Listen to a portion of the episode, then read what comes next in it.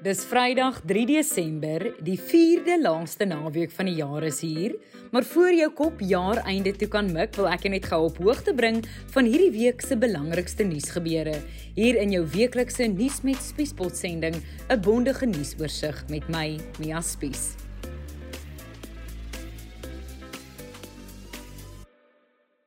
In 'n neutedop blyk dit of Suid-Afrika nou in die 4de vlaag van infeksies in beweeg. President Cyril Ramaphosa kap lande wat grense vir Suid-Afrika sluit. Vroeë aanduidings wys dat inentings doeltreffend teen die Omicron variant is. Matriek se Belito en Plet samekomste afgestel. Werkloosheid skiet op tot nuwe rekord. Regstudent se moordenaar kry 25 jaar. Barbados verbreek alle bande met die Britse troon en 'n stormnaweek word voorspel. Net voor ons begin, onthou jy kan elke week hierdie podcast in jou WhatsApp inbox kry.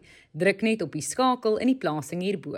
Nadat die meeste provinsies 'n volgehoue toename in nuwe COVID-19 gevalle waargeneem het, het die Nasionale Instituut vir Oordraagbare Siektes aangekondig dat Suid-Afrika in 'n 4de vlaag van koronavirusinfeksies beweeg. Dit word grootliks gedryf deur die Omicron variant wat verlede week geïdentifiseer is. Nuwe infeksies het in die jongste oorsigperiode van 24 uur skerp gestyg met meer as 11500 nuwe gevalle wat aangemeld is. Meer as 8000 daarvan is in Gauteng. Die provinsie se premier, David Makura. We can contain the fourth wave and this variant. Uh, the modeling team in our province says uh, given all things being equal, we are not likely to end in the worst situation than we have been uh, during the, the third wave. But everything depends on what we do. And, and, and we really, really need to make this continuous call that it's within our hands. We can uh, reduce the real impact of the fourth wave by vaccinating. Intussen sê professor Salim Abdul Karim, voorsitter van die COVID-19 advieskomitee, dat die nuwe variant fyn dopgehou word. We look at this particular new variant, we can we don't know much about it itself. So we don't really know how it behaves. We don't know how it is uh, you know how transmissible and so on those estimations will come with time. But what we can do is we can extrapolate based on the mutations we are seeing. And so we can we can we can get some idea of what's the likely scenarios and we can plan and we can prepare and respond based on those likely scenarios. Hy sê vroeë aanduidings wys dat inentings steeds doeltreffend is. Based on what we know, we can expect that this is the likely scenario that the vaccines should hold well in terms of preventing hospitalization, severe disease, because they depend more on T cell immunity and less on antibodies. So even if there's some escape from antibodies, it's very hard to escape T cell immunity. So that's the likely scenario that we are uh, to see, I'm expecting. President Cyril Ramaphosa het Sondag aand toe hy die land toegespreek het gesê 'n verpligte inentingsmandaat word bekyk. Government has set up a task team that will undertake broad consultations on making vaccination mandatory for specific activities and locations. Intussen het Ramaphosa Sondag aangekondig dat Suid-Afrika vereers op vlak 1 van die inperking gaan bly. Hy het gesê dit sal weer oor 'n week heroorweeg word. Ramaphosa het ook gesê dat hy diep teleurgesteld is in lande wat hulle grense vir ons gesluit het oor die nuwe variant. Countries that have imposed travel restrictions on our country and some of our Southern African sister countries include the United Kingdom, the United States, the European Union members, Canada, Turkey, Sri Lanka, Oman, the United Arab Emirates, Australia, Japan, Thailand, the Seychelles, Brazil, and Guatemala, among others.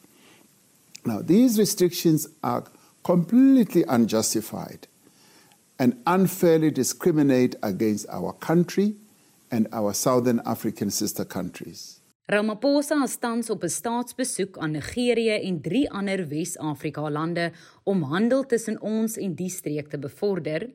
Hy het met sy vertrek ook gekap teen Afrika lande wat reisbeperkings op Suid-Afrika geplaas het en gesê hulle tree soos hulle voormalige koloniale heersers op. Intussen het die beperkings teen Afrika ook wêreldwyd die nuus gehaal tot Trevor Noah se Daily Show. I still don't get the logic. What you think Omicron is is going to get to Europe and then just decide to stay there. I was going to spread to America, but I simply cannot leave the beauty of Barcelona.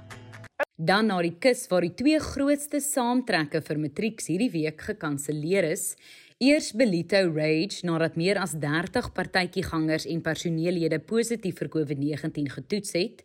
Daarna is die Plet Rage matriekvakansie ook afgestel. Dit sou vandag begin het. Ander groot nuus is dat die werkloosheidskoers tot 'n nuwe rekordhoogtepunt gestyg het. Statistiek Suid-Afrika het hierdie week aangekondig dat die werkloosheidskoers tot 34,9% in die 3de kwartaal gestyg het. Die uitgebreide werkloosheid het tot 46,6% gestyg. Dis nou die syfer wat mense insluit wat opgegee het om werk te soek. In ander nuus het die hoof van die nasionale vervolgingsgesag se ondersoekdirektoraat advokaat Hermione Cronje haar bedanking ingedien. Sy wil haar amp Maart volgende jaar verlaat. Dis 2 jaar voor haar termyn eindig. Die NVG sê meer besonderhede hieroor sal binnekort bekend gemaak word. Nou na Oos-London waar die man wat van die gruwelmoord op die Ford Hare regstudent skuldig bevind is, 25 jaar tronkstraf opgelê is. Aluta Pasile het maandag skuld beken dat hy sy meisie Nosicelo Mtsebeni in Augustus vermoor en haar liggaam opgesny het en in 'n tas op 'n straathoek gelos het. Luister wat regter Tami Beshe tydens sy vonnisoplegging te sê gehad het. Even in death, he had no respect for the deceased, dumping her body, which was in a, cut into pieces in a street corner. Nou na 'n ander grimoord te midde van die 16 dae van aktivisme teen geslagsgeweld, die 32-jarige Nomapelo Sifuba van Ashton in die Wes-Kaap is glo deur haar kerel vermoor en ook vermink. Haar tong is glo uitgesny. Die verdagte is die pa van haar 6 maande oue babatjie. In ander nuus het die departement van energie hierdie week 'n petrolprysflater begaan. Die departement het om verskoning gevra nadat hy die prys van petrol met 6 sent per liter oorskat het, wat beteken dat die prys met 75 sent per liter gestyg het en nie 81 sent soos vroeër aangekondig is nie. Die res van die brandstofpryse bly egter dieselfde. In buitelandse nuus het die eens Britse kolonie Barbados koningin Elizabeth II amptelik as staatshoof verwyder en die wêreld se jongste republiek geword. Die klein eilandstaat in die Karibiese See het hierdie week Sandra Mason as hulle staatshoof ingesweer. Today, debate and discourse have become action. Today, we set our compass to a new direction. From this day and forever, declare Barbados a parliamentary republic. Barbados het in dieselfde seremonie een van sy bekendste boerlinge, Rihanna, tot nasionale held verklaar. Net voor ons eindig, wees gewaarsku dat stormweer oor die meeste dele van Suid-Afrika Saterdag en Sondag verwag word. Die weerdiens het 'n vlak 2 geel waarskuwing uitgereik vir wyd verspreide donderbuie oor die oostelike dele van die Noord-Kaap en die weste van Noordwes. Die Waks weerspan se meteoroloog Anet Botha goeie genade die weer is kwaad en ons verwag nog ewige weer die naweek oor groot gedeeltes van Suid-Afrika. Nou dat jy op hoogte van sake is, is jy reg vir naweek hou. Nuus met Spies se produksie in samewerking met die Potgooi Produksiehuis Volume. Ons vervaardigers is Roland Perolt, Andy Siwe May en Karen Blau. En Curtis Kahl het ons kenwysie gekomponeer. Ek en jy gesels dan weer volgende Vrydag.